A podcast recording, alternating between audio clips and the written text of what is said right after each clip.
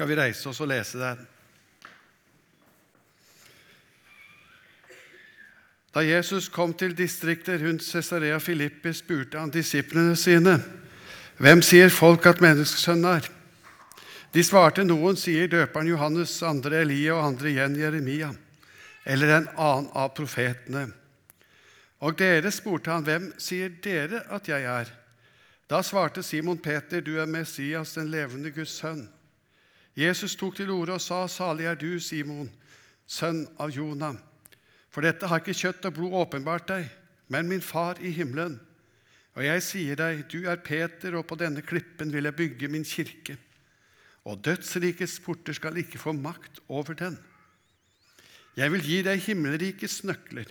Det du binder på jorden, skal være bundet i himmelen, og det du løser på jorden, skal være løst i himmelen. Så påla han disiplene ikke å si til dette til noen, at han var Messias. Slik lyder Herrens ord.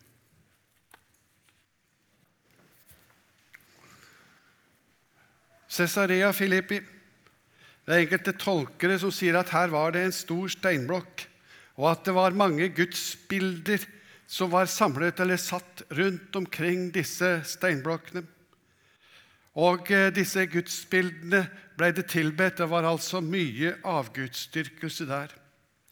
Det var et religiøst virvar. Og så er det midt i dette virvaret Jesus spør disiplene hvem sier folk at menneskesønnen er.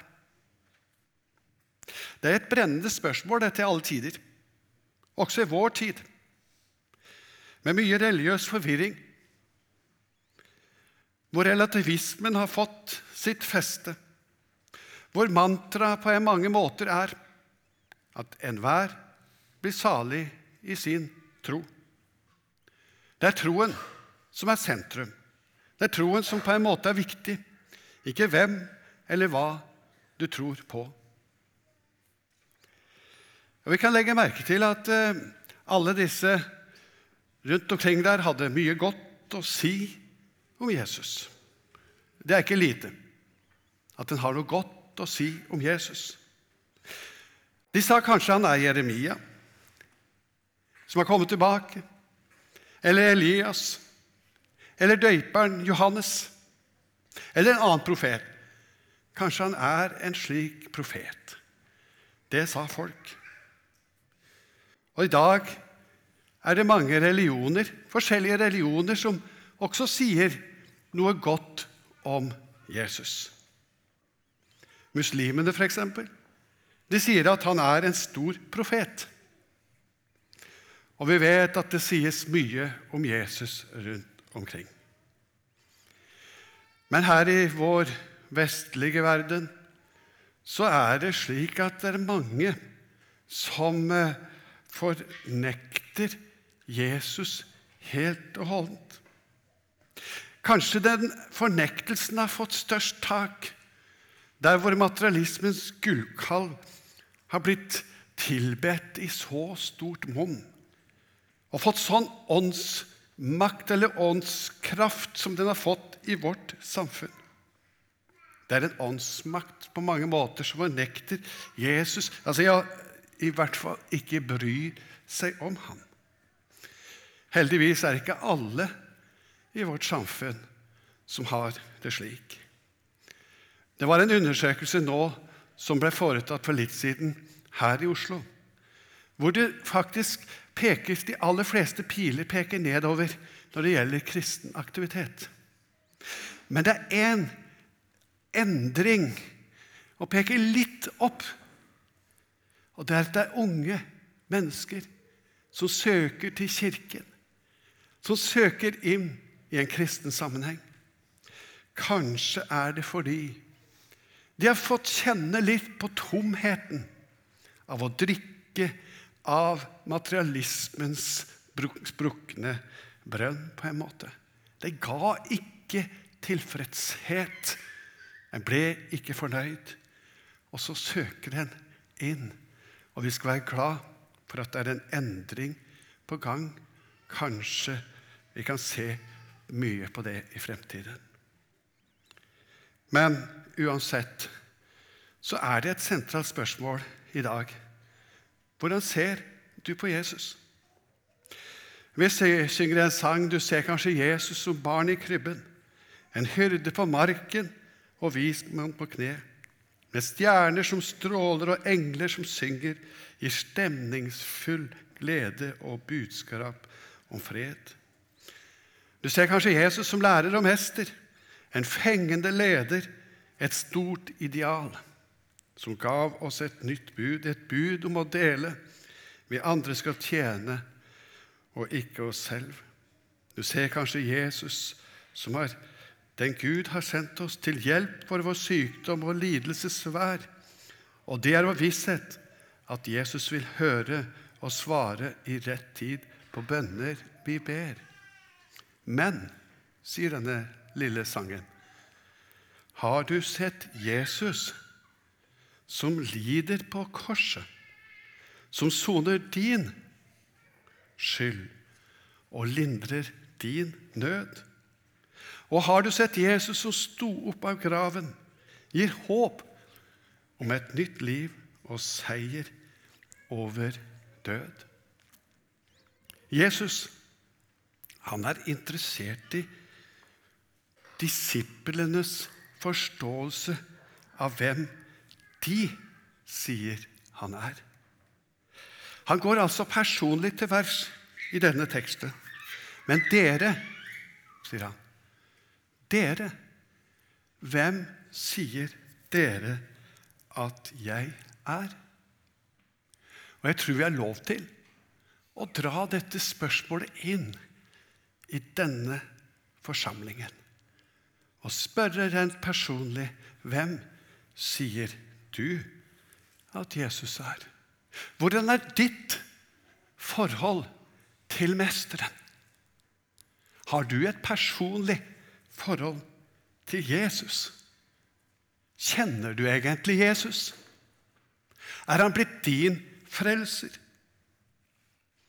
La det spørsmålet liksom dirre litt i luften nå. Er Jesus din personlige frelser? Har du tatt din tilflukt til Han? Peter han kom med en bekjennelse om hvem Jesus er. Du er Messias, den levende Guds sønn. La oss stoppe bitte litt. Messias. Bibelen sier at Gud han hadde en plan for menneskene. Han ville ikke at et eneste menneske skulle gå fortapt. Slik er Gud. Det var noe som lå i Guds hjerte, han som visste om alt, og så at de ville gå bort ifra Gud. Og så valgte han ut én. En som skulle bli født. Han valgte ut et folk. I dette folket Israel skulle det komme en person. Og denne personen Jesus, han skulle bli som oss. Han var før alle ting. Han er den som alt er blitt til ved. Han er Ordet. Han var i begynnelsen. Før tiden var han. Han skulle ikle seg menneskets skikkelse. Han skulle krabbe og gå. Han skulle lære å snakke. Han skulle sitte på Josef sitt fang. Han skulle amme Marias bryst. Han skulle leke og springe som andre barn. Gud gav han til oss. Gud er hos oss til stede. Og for en glede! Han, Jesus, er den lovende den utsendte, den salvede som er ifra evighet og til evighet. Han er selveste Gudesønnen. Han er Messias. Og her står det, står de i teksten overfor hverandre i Cesarea. Like kanskje ved denne store steinen. Like ved alle disse avgudsbildene.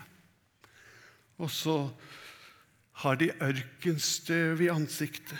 Det er noen ungdommer, 20 år kanskje, og en som kanskje er 30 år. Og Peter står foran ham og bekjenner.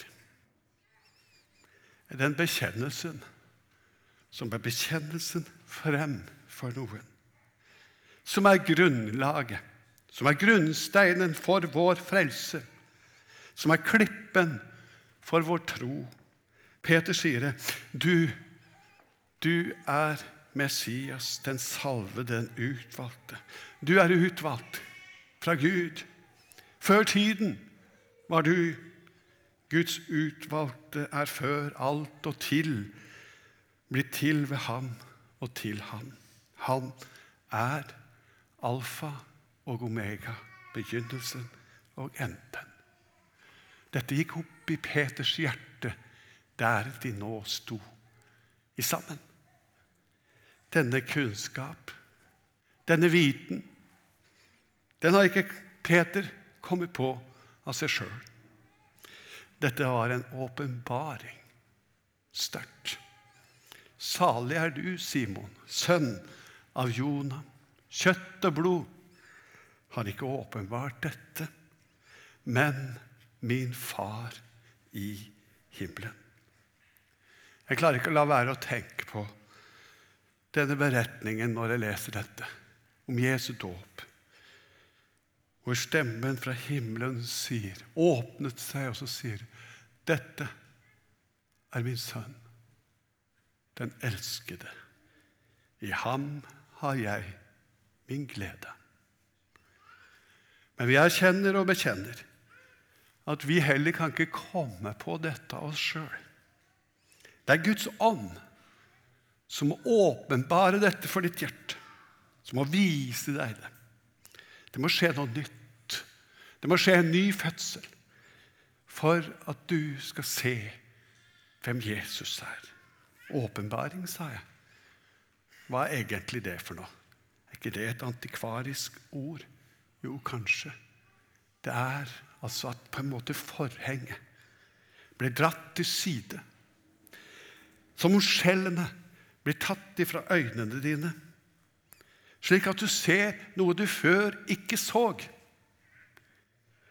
Du skjønner noe du før ikke har forstått.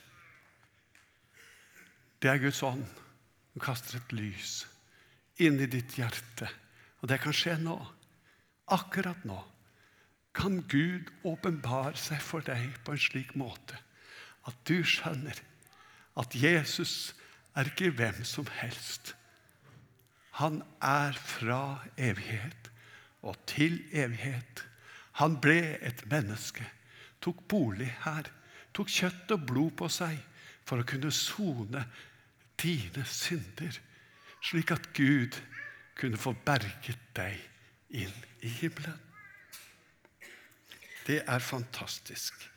Den åpenbaringen fikk Peter. Den åpenbaringen har, får alle.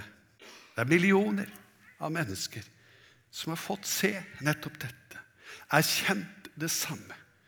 Fått øynene åpnet for hvem Jesus er. Disse millioner Hundrevis av millioner.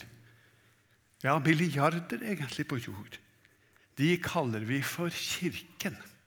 Kirken, for de bygger sin bekjennelse på klippen. Jesus. Troen, det kommer da av hørelsen, at ordet forkynnes. Og Derfor så er Kirken utrettelig opptatt av dette store, å formidle ordet igjen og igjen. Og det er hovedoppdraget vi har, slik at denne klippen, som er bekjennelsen av Jesus Kristus som Messias, som Guds sønn, kan nås, eller folk kan få tak i å bygge sitt liv på Han. Jeg skal si dere en liten ting som har blitt så godt for meg. Og det er at det finnes et sted står det i denne teksten, som dødsrikes krefter ikke har makt over. Tenk på det. Det er det som er fundamentet i vår tro. Det finnes en klippe hvor dødsriket ikke kan ødelegge.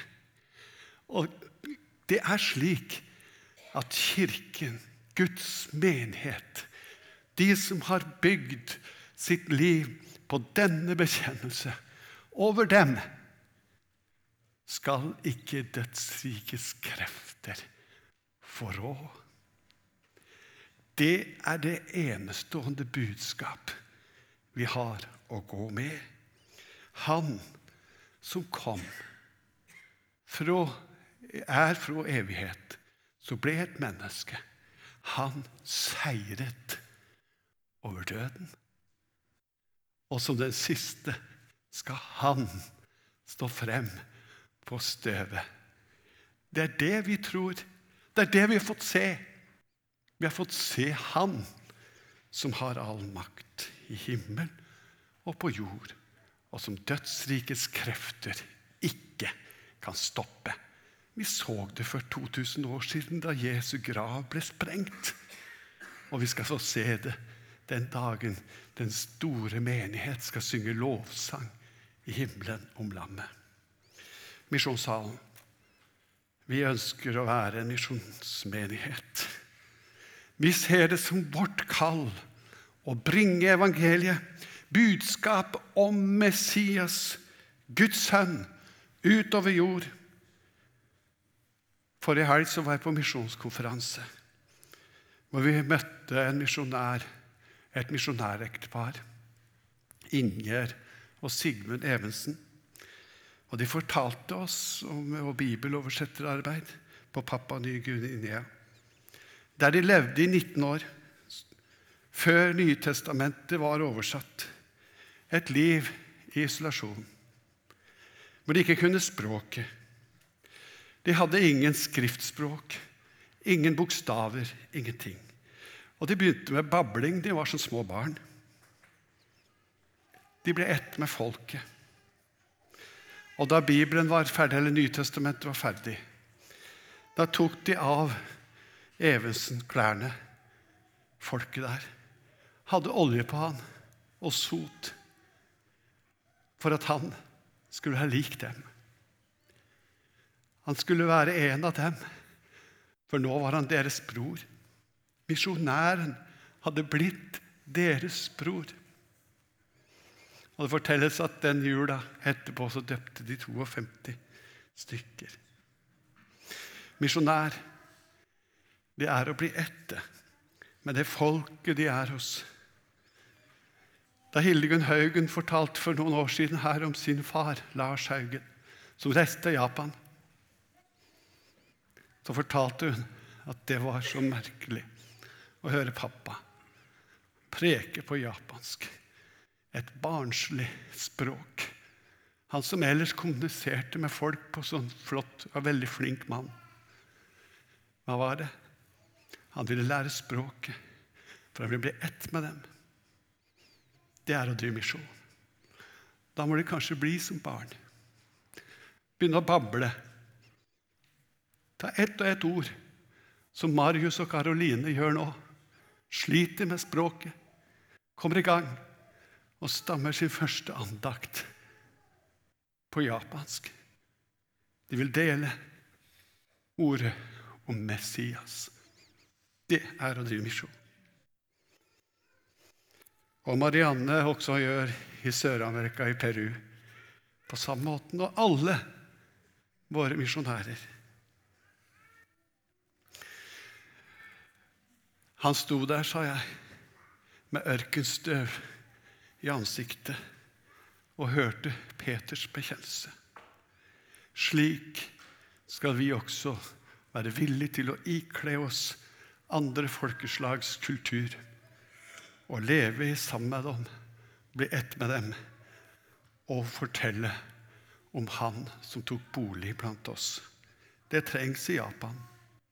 Det trengs i Peru. Det trengs i Norge. Det trengs utover hele vår jord fordi vi har funnet klippen som er sterkere enn døden. Amen.